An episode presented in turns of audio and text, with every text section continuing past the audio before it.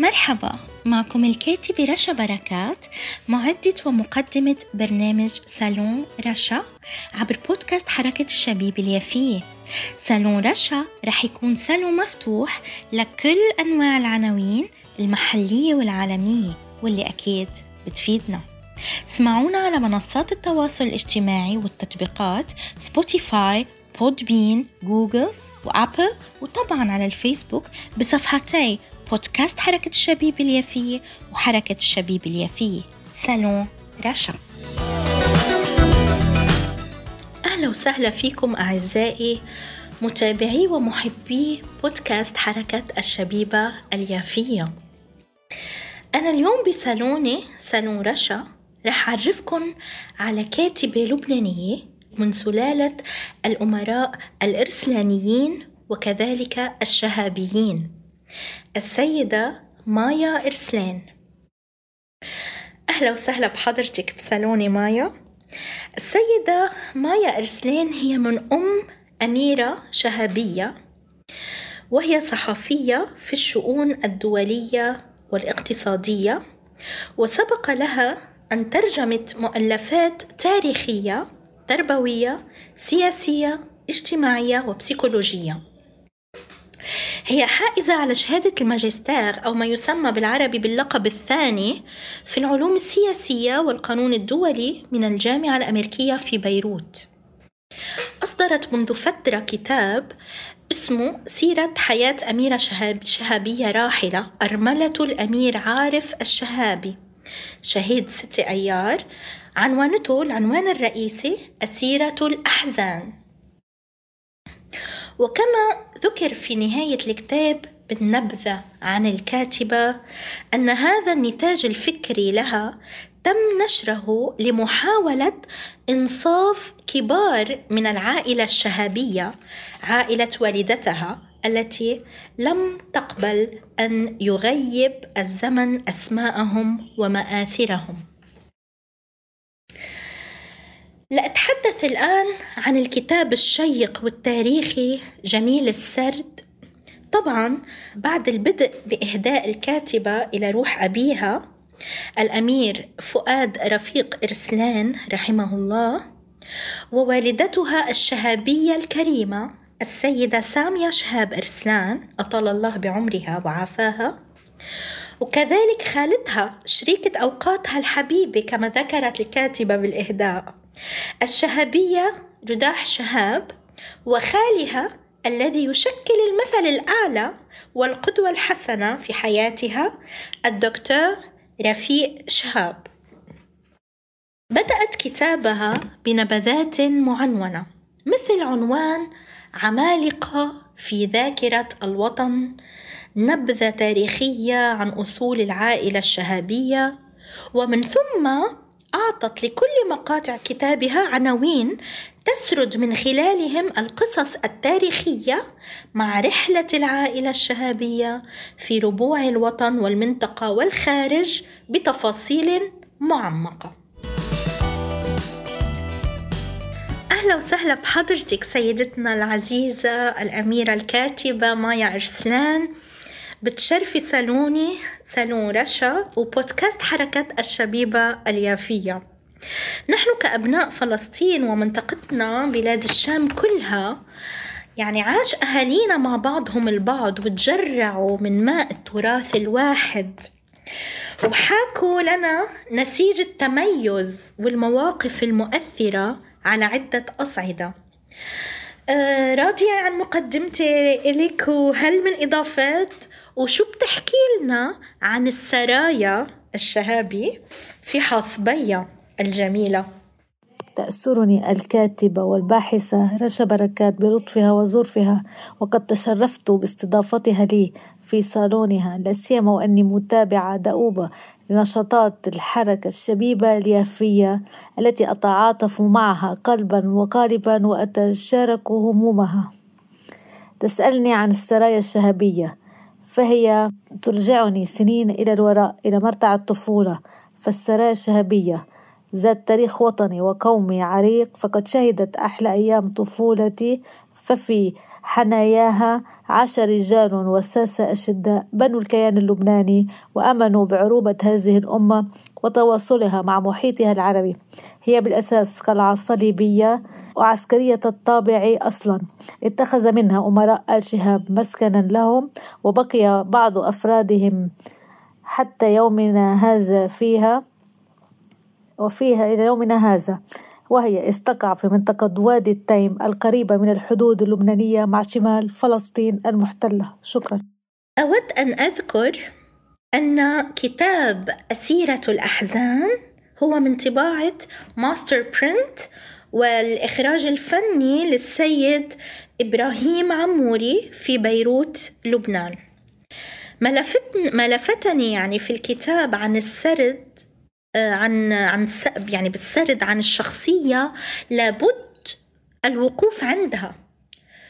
شخصية الراحل الأمير عارف سعيد الشهابي وهو لمن لا يعلم عنه هو رائد القومية العربية في زمانه. يا ريت تحكي لنا وتحكي كذلك للمتابعين الأكارم آه، لمتابعي بودكاست حركة الشبيبة اليافية حول العالم عن هذه الشخصية المهمة. عربيا كذلك. مع ملاحظاتك الكريمة طبعا وكذلك عن الجمعية القحطانية التي تطرقت لها. تعريف بالأمير عارف الشهابي والجمعية القحطانية.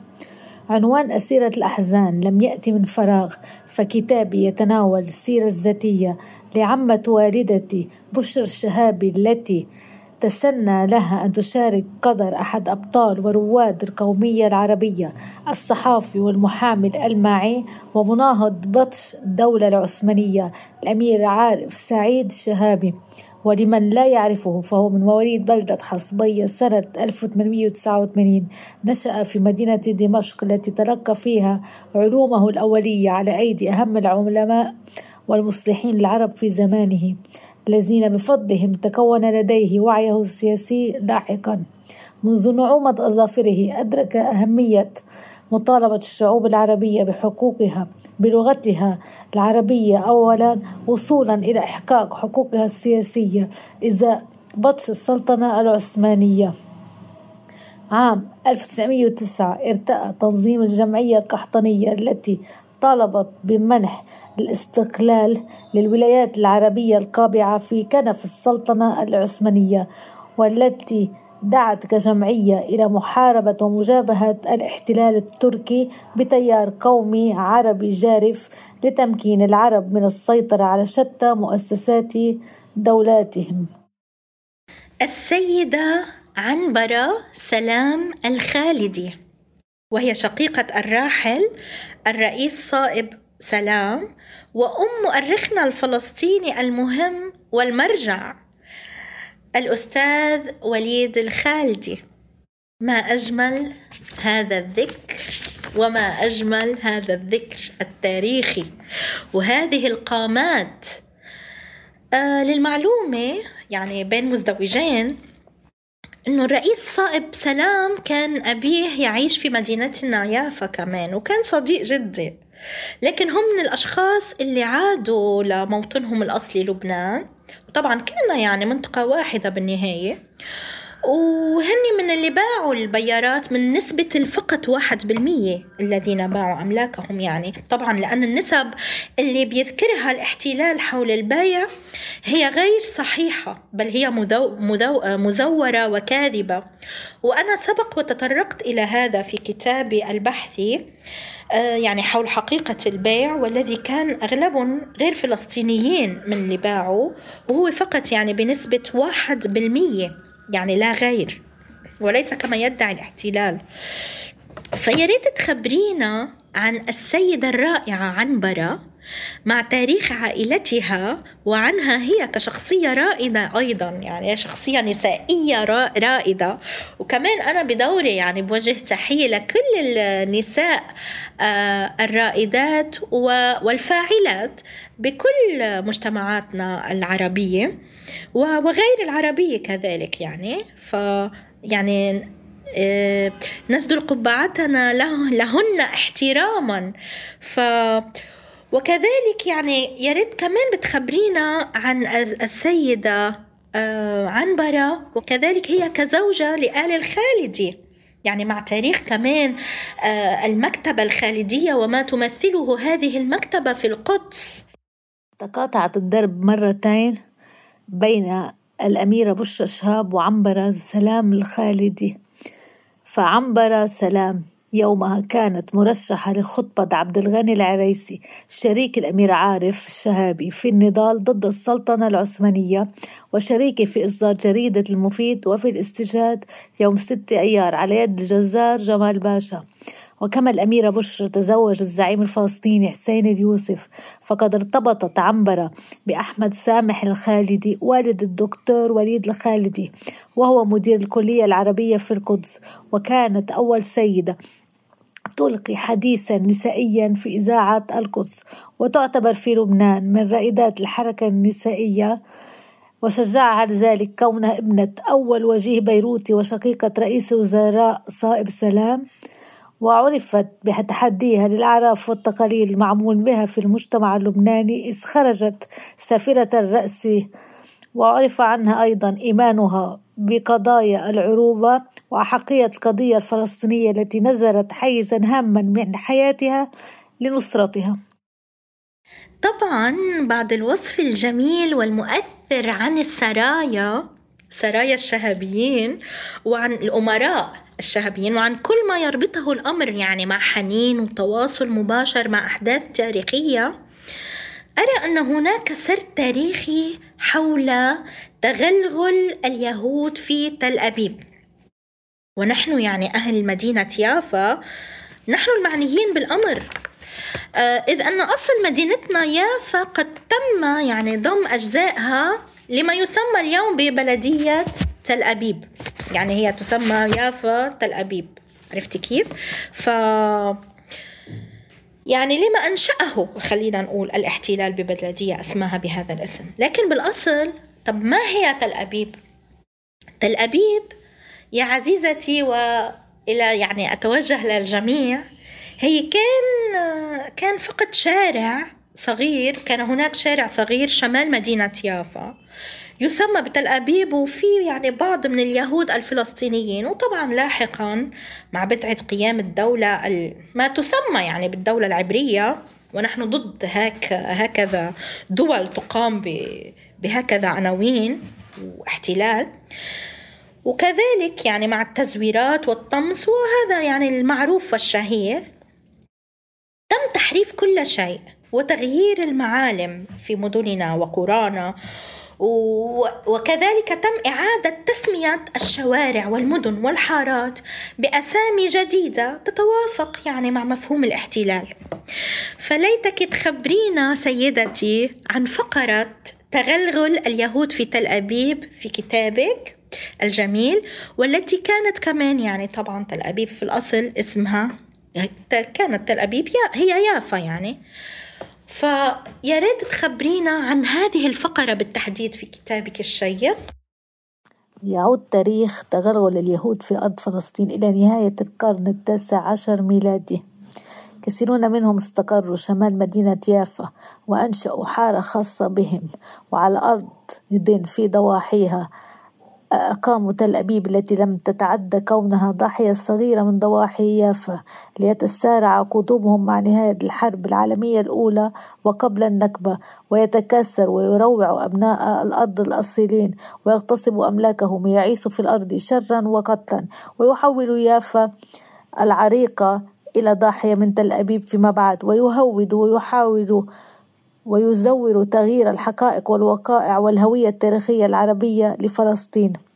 واليهود فيما بعد سطوا على الأرض لأن الفلسطيني مالك هذه الأرض لم يبيعها للمغتصب لما في ذلك من شرعنة واعتراف بكيان غير شرعي غاصب ومحتل.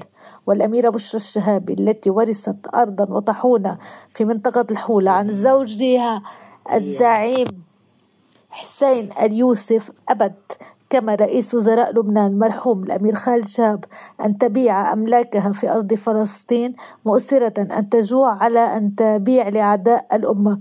ولابد من التوقف عند الدور البارز الذي اطلع به الأمير مجيد أرستان سنة 1948 عندما شارك فعليا في معارك فلسطين بصفته وزيرا للدفاع اللبناني في معركة الملكية وتصدى ببسالة لعصابات الهجانة على رأس فرقة من الجيش اللبناني وما إصرارنا على إيراد كل هذه المعطيات والحقائق السياسية والتاريخية إلا لكشف ضيف الصهيونية السياسية التي لم تحسب حساب لملايين السكان المحليين الذين كانت جذورهم ضاربة في تاريخ جغرافيا وحضارات هذه المنطقة بعمق. وأخيرا وليس آخرا سيدتي آه، مع أن الكتاب فيه يعني أمور كثيرة بعد ممكن أن نتحدث عنها لكنني أحاول أن أستخلص منه الأمور التي تمس قضيتنا بالشكل الخاص أي فلسطيننا الملأى بالجراح. فأود هنا أن أسألك عن الخالصة وهي التي تتميز بموقع استراتيجي مهم جدا والتي تعتبر كهمزة وصل ما بين لبنان وفلسطين.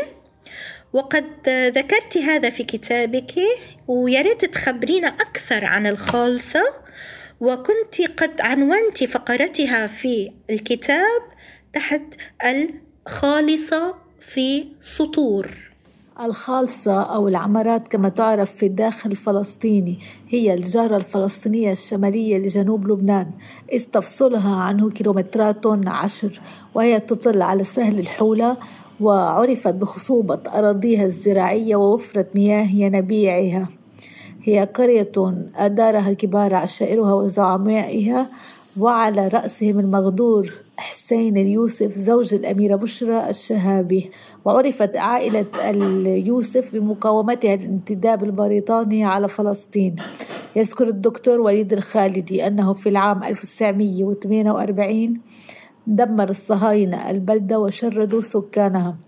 ولطالما تزعم آل اليوسف مقاليد إدارة الشؤون السياسية للخالصة حتى مقتل حسين اليوسف غدرا على يد عرب الحمدون والمندد بالنجله كامل كخلف له. وقد عرف كامل بشجاعته والتزامه بقضية شعبه داخل فلسطين وخارجها عندما أجبر قسرا على مغادرتها إذ لم ينفك حاملا قضية بلده مناديا بحقوق شعبه في المحافل الدولية واستشهد في جنوب لبنان دون أن يبارحه للحظة. حلم العودة قاوم كامل الحسين الاحتلال الصهيوني لبلاده بالقوة المدنية حينا وبالسلاح حينا آخر في زمن كان يعرف فيه أن العين لا تقاوم المخرز. ولا ننسى أن نذكر أن الخالصة شهدت عام 1974 أشهر عملية فدائية فلسطينية من نوعها ذكرها تاريخ المواجهات المعاصر بين الطرفين. وفي نهاية حديثنا في سالون سنورشا أود أن أقول أو أرسل سلامي إلى روحي فطوم التي أسميتها كذلك في كتابك وأنا أحببت هذا الأمر كثيرا. وكذلك إلى روحي بشرى فهي كانت فعلا أسيرة الأحزان. أترحم على روحها الطيبة وأدعو الله أن يتغمدها في فسيح جناته. وكذلك أرسل تحياتي إلى الأمراء الشهابيين وأشواقي للسرايا الشهابية في حصبي الجميلة في لبنان وكذلك للأمراء الإرسلاليين. وشكرا لك على هذا الكتاب الممتع والمهم في آن. وعلى سردك المشوق فيه. كل التوفيق عزيزتي. أعزائي متابعي ومحبي بودكاست حركة الشبيبة اليافية اسمعونا على منصات التواصل الاجتماعي مثل سبوتيفاي بودبين جوجل أبل والفيسبوك كذلك صفحتي حركة الشبيبة اليافية وصفحة بودكاست حركة الشبيبة اليافية. أودعكم وألقاكم بحلقة جديدة في صالوني صالون رشا.